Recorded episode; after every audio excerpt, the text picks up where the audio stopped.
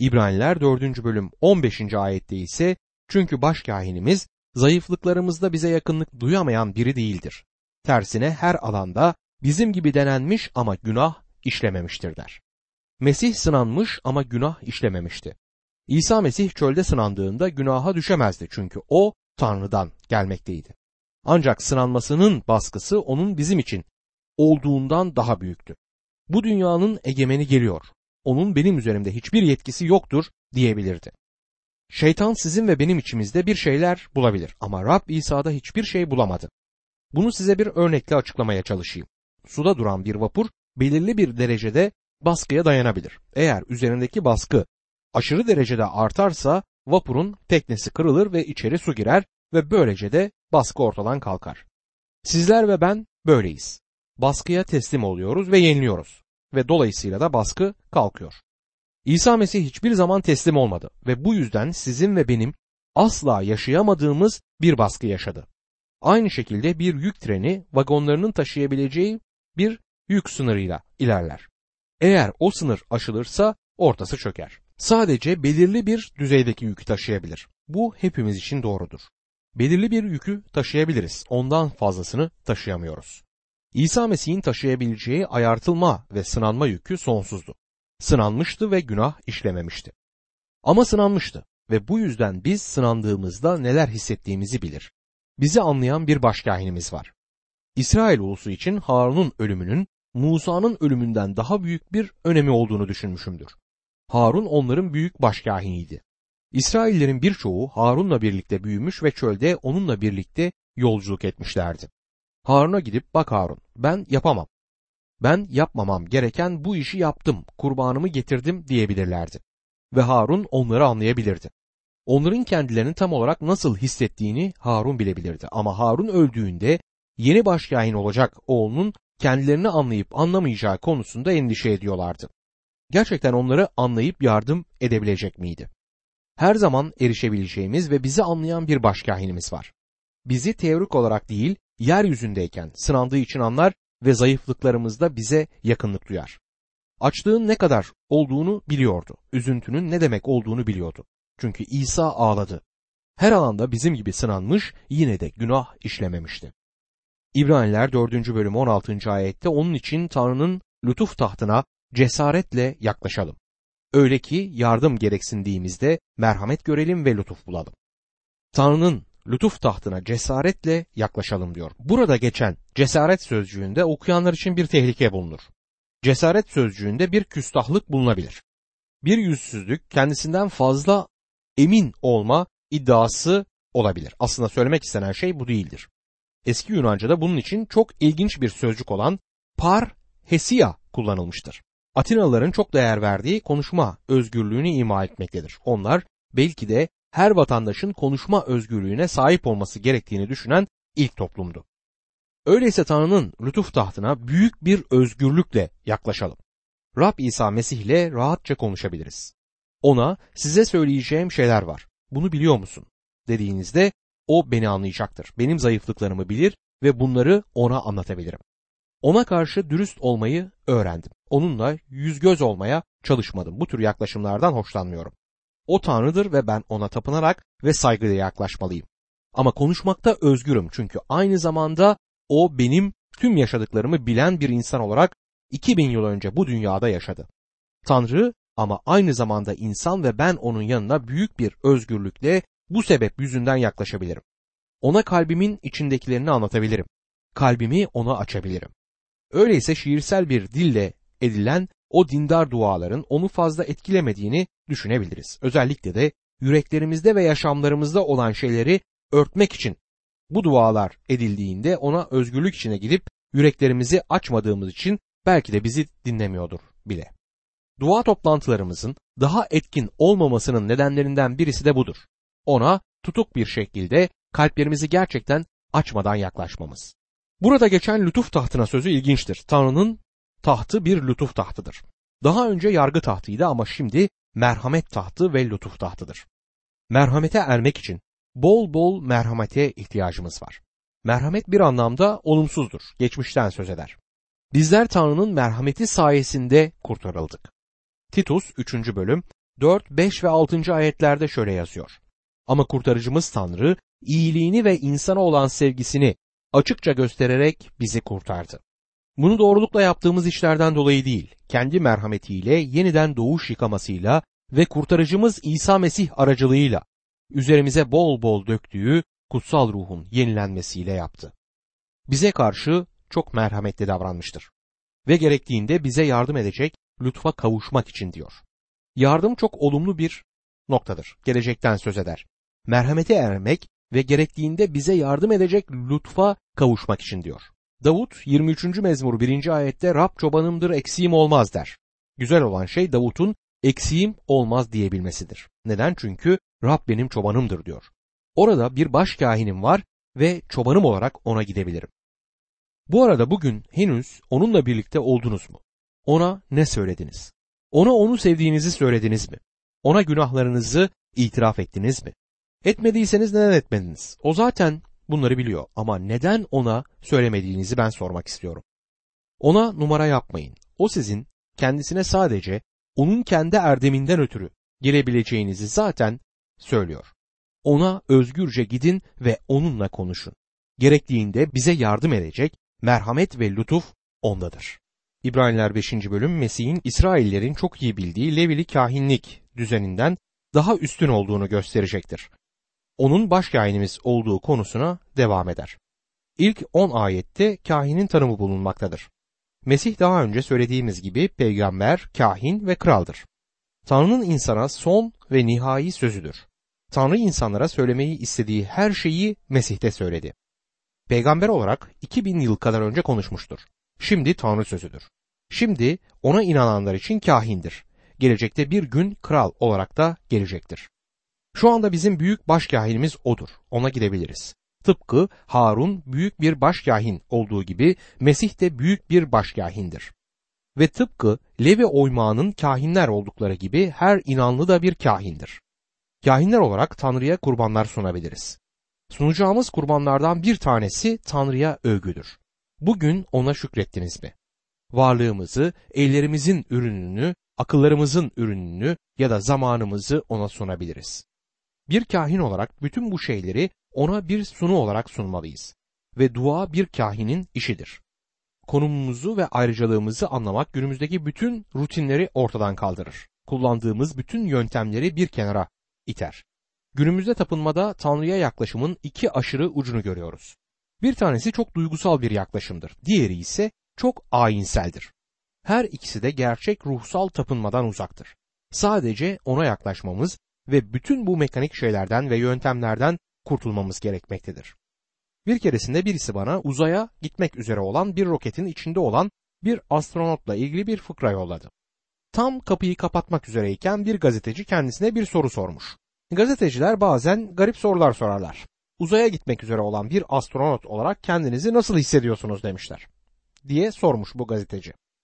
Astronot her biri en düşük maliyetle tamamlanan 50 bin parçanın üzerinde oturuyor olsaydınız siz kendinizi nasıl hissedersiniz olmuş. Günümüzde birçok insan bu şekilde tapınmaktadır. Ya ayinsel ya da duygusal. Tanrı sözü yerine kendi duygularıyla hareket eden insanları görüyoruz. Dördüncü bölümün son ayeti bizleri lütuf tahtına özgürlük içinde gelmeye teşvik eder. Merhamete ve yardıma ihtiyacımız var.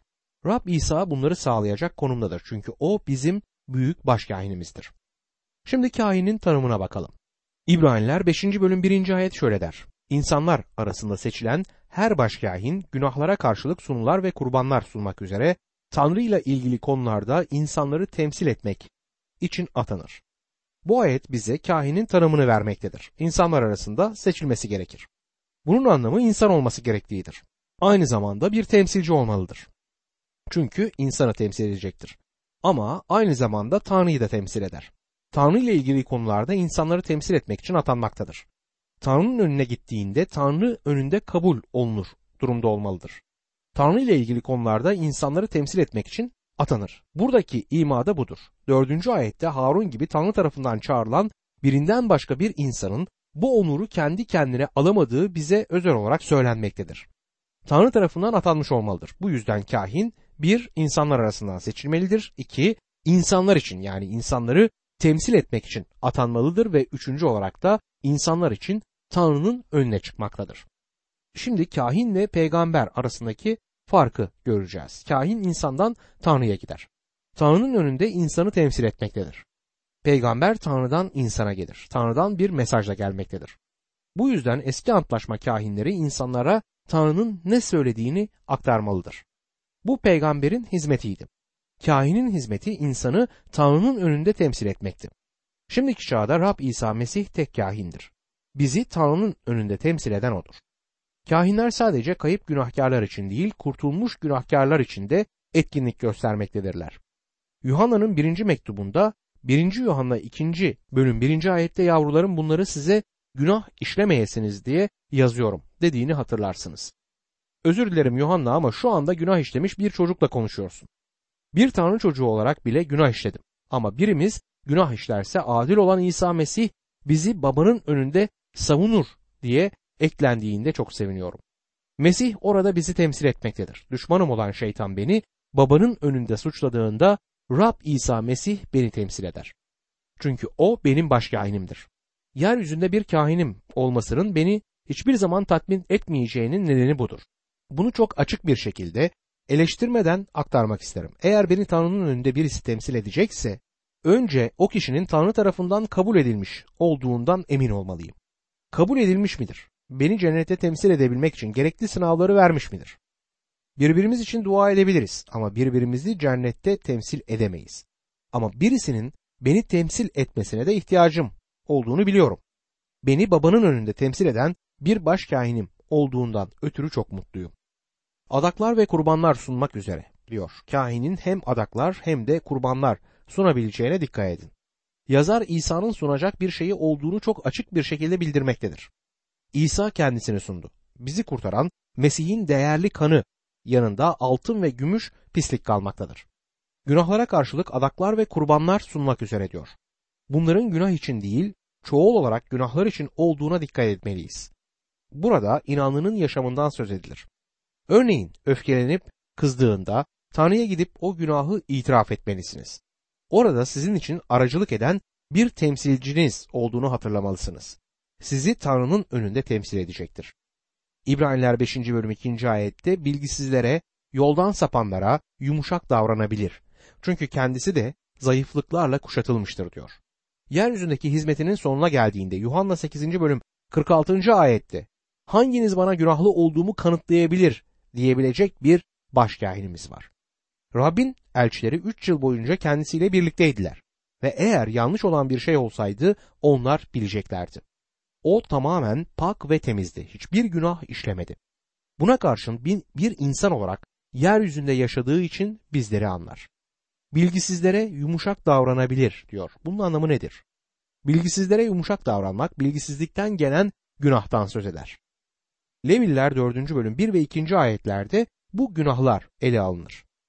Geçen birkaç gün içinde günah işlemediğimizi düşünüyor ve kendinizi yükseklerde hissediyorsanız size haberim var. Farkında bile olmadığınız günahlar işlersiniz ve büyük başkahinimiz bizim için bunların gereğini yapar. Bilgisizlere yumuşak davranabilir. Süleyman'ın özdeyişleri 14. bölüm 12. ayette öyle yol var ki insana düz gibi görünür ama sonu ölümdür der. Yeşaya 53. bölüm 6. ayette ise hepimiz koyun gibi yoldan sapmıştık demektedir Tanrı sözü. Tanrı bizleri koyunlarla kıyaslar. Çünkü bütün koyunlar yollarını şaşırırlar. Kendisi de zayıflıklarla kuşatılmıştır derken Harun'un zayıflıklarla kuşatılmış olduğunu ama Mesih'in zayıflıklarımızda bize yakınlık duyduğu ima edilir. Olaylar ve durumlar hakkında kendimizi nasıl hissettiğimizi o bilir. O kusursuz aracıdır. Düştüğümüzde bizimle birlikte çamurlara girmez. Bizi oradan çıkartmak için yanımızda hazır bekler.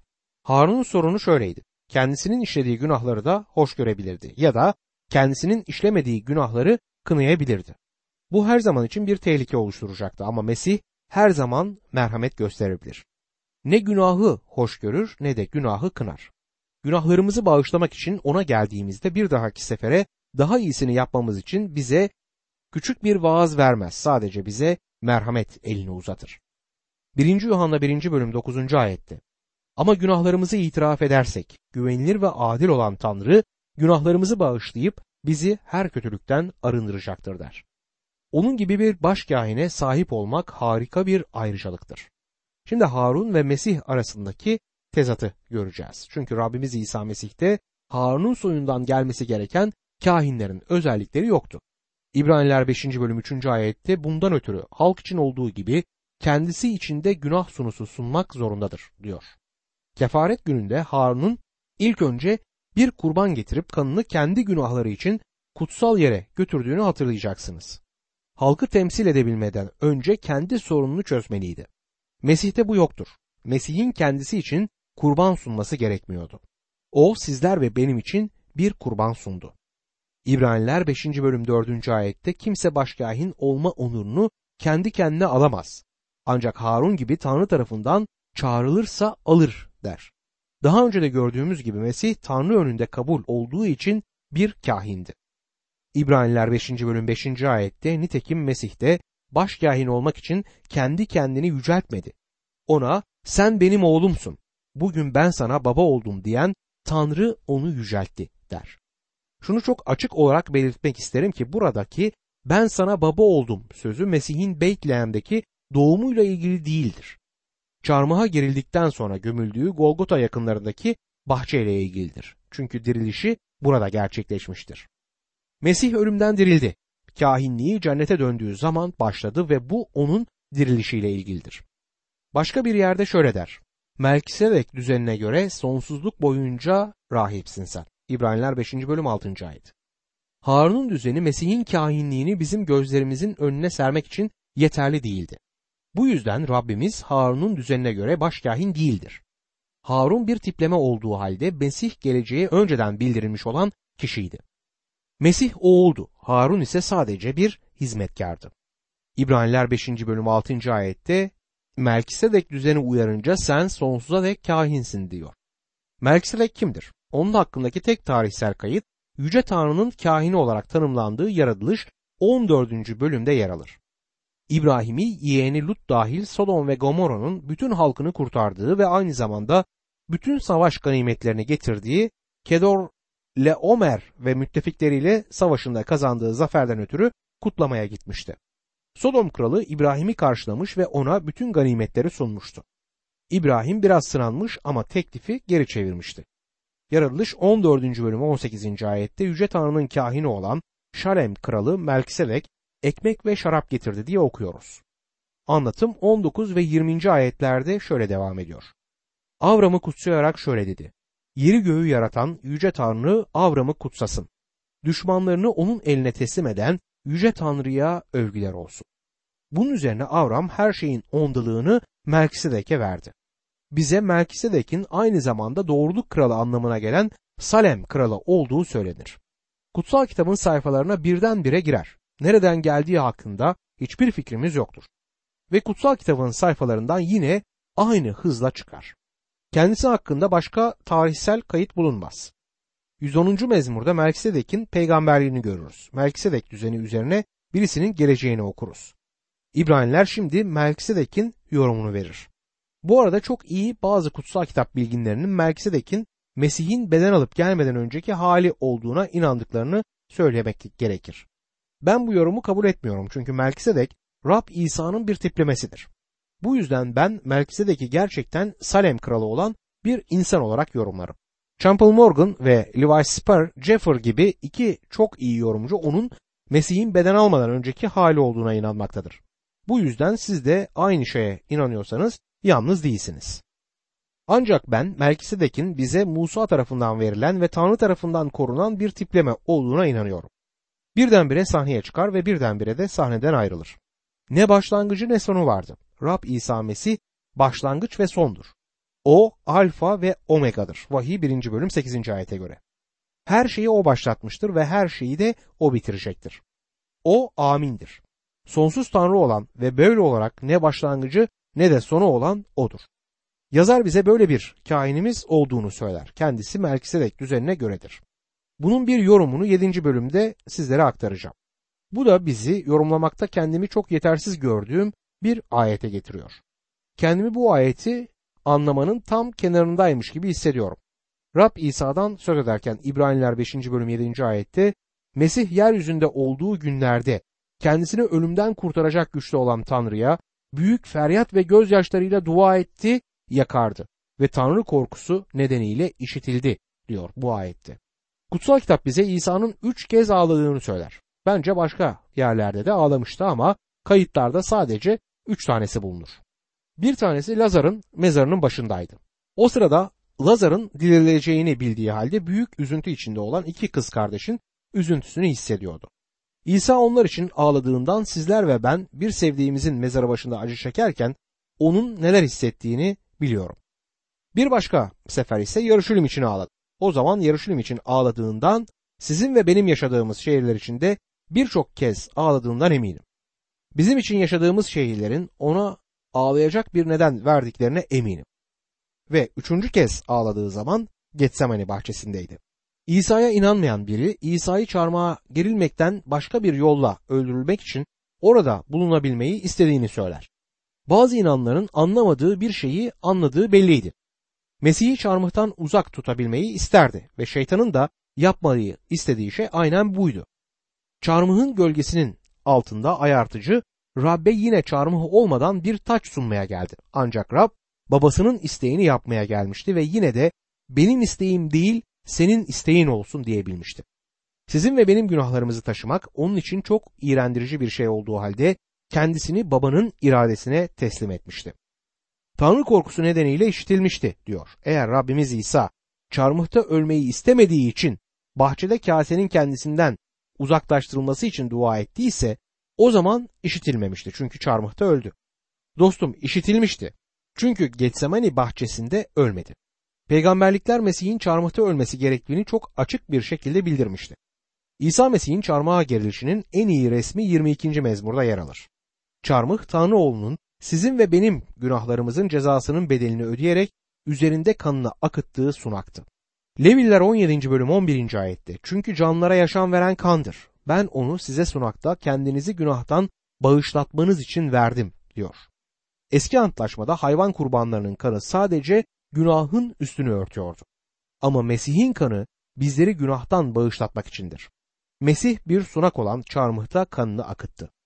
Nikodemus'a Musa çölde yılanı nasıl yukarı kaldırdıysa insanoğlunun da öylece yukarı kaldırılması gerekir demişti. Yuhanna 3. bölüm 14. ayette. Bahçede ölmek istemiyordu. Bence ağlar ve teri büyük kan damlaları gibi akarken duası, insansal duası çarmıha erişebilmek için orada ölümden kurtarılmasıydı. Tanrı korkusu nedeniyle işitilmişti diyor. Bu mektubun diğer parçalarında da gördüğümüz gibi korku her zaman yanlış değildir. Bazı şeylerden korkmamak anormal olurdu ve sanıyorum kiliselerimizde biraz daha korkuya, bilgeliğin başlangıcı olan Rab korkusuna ihtiyacımız var.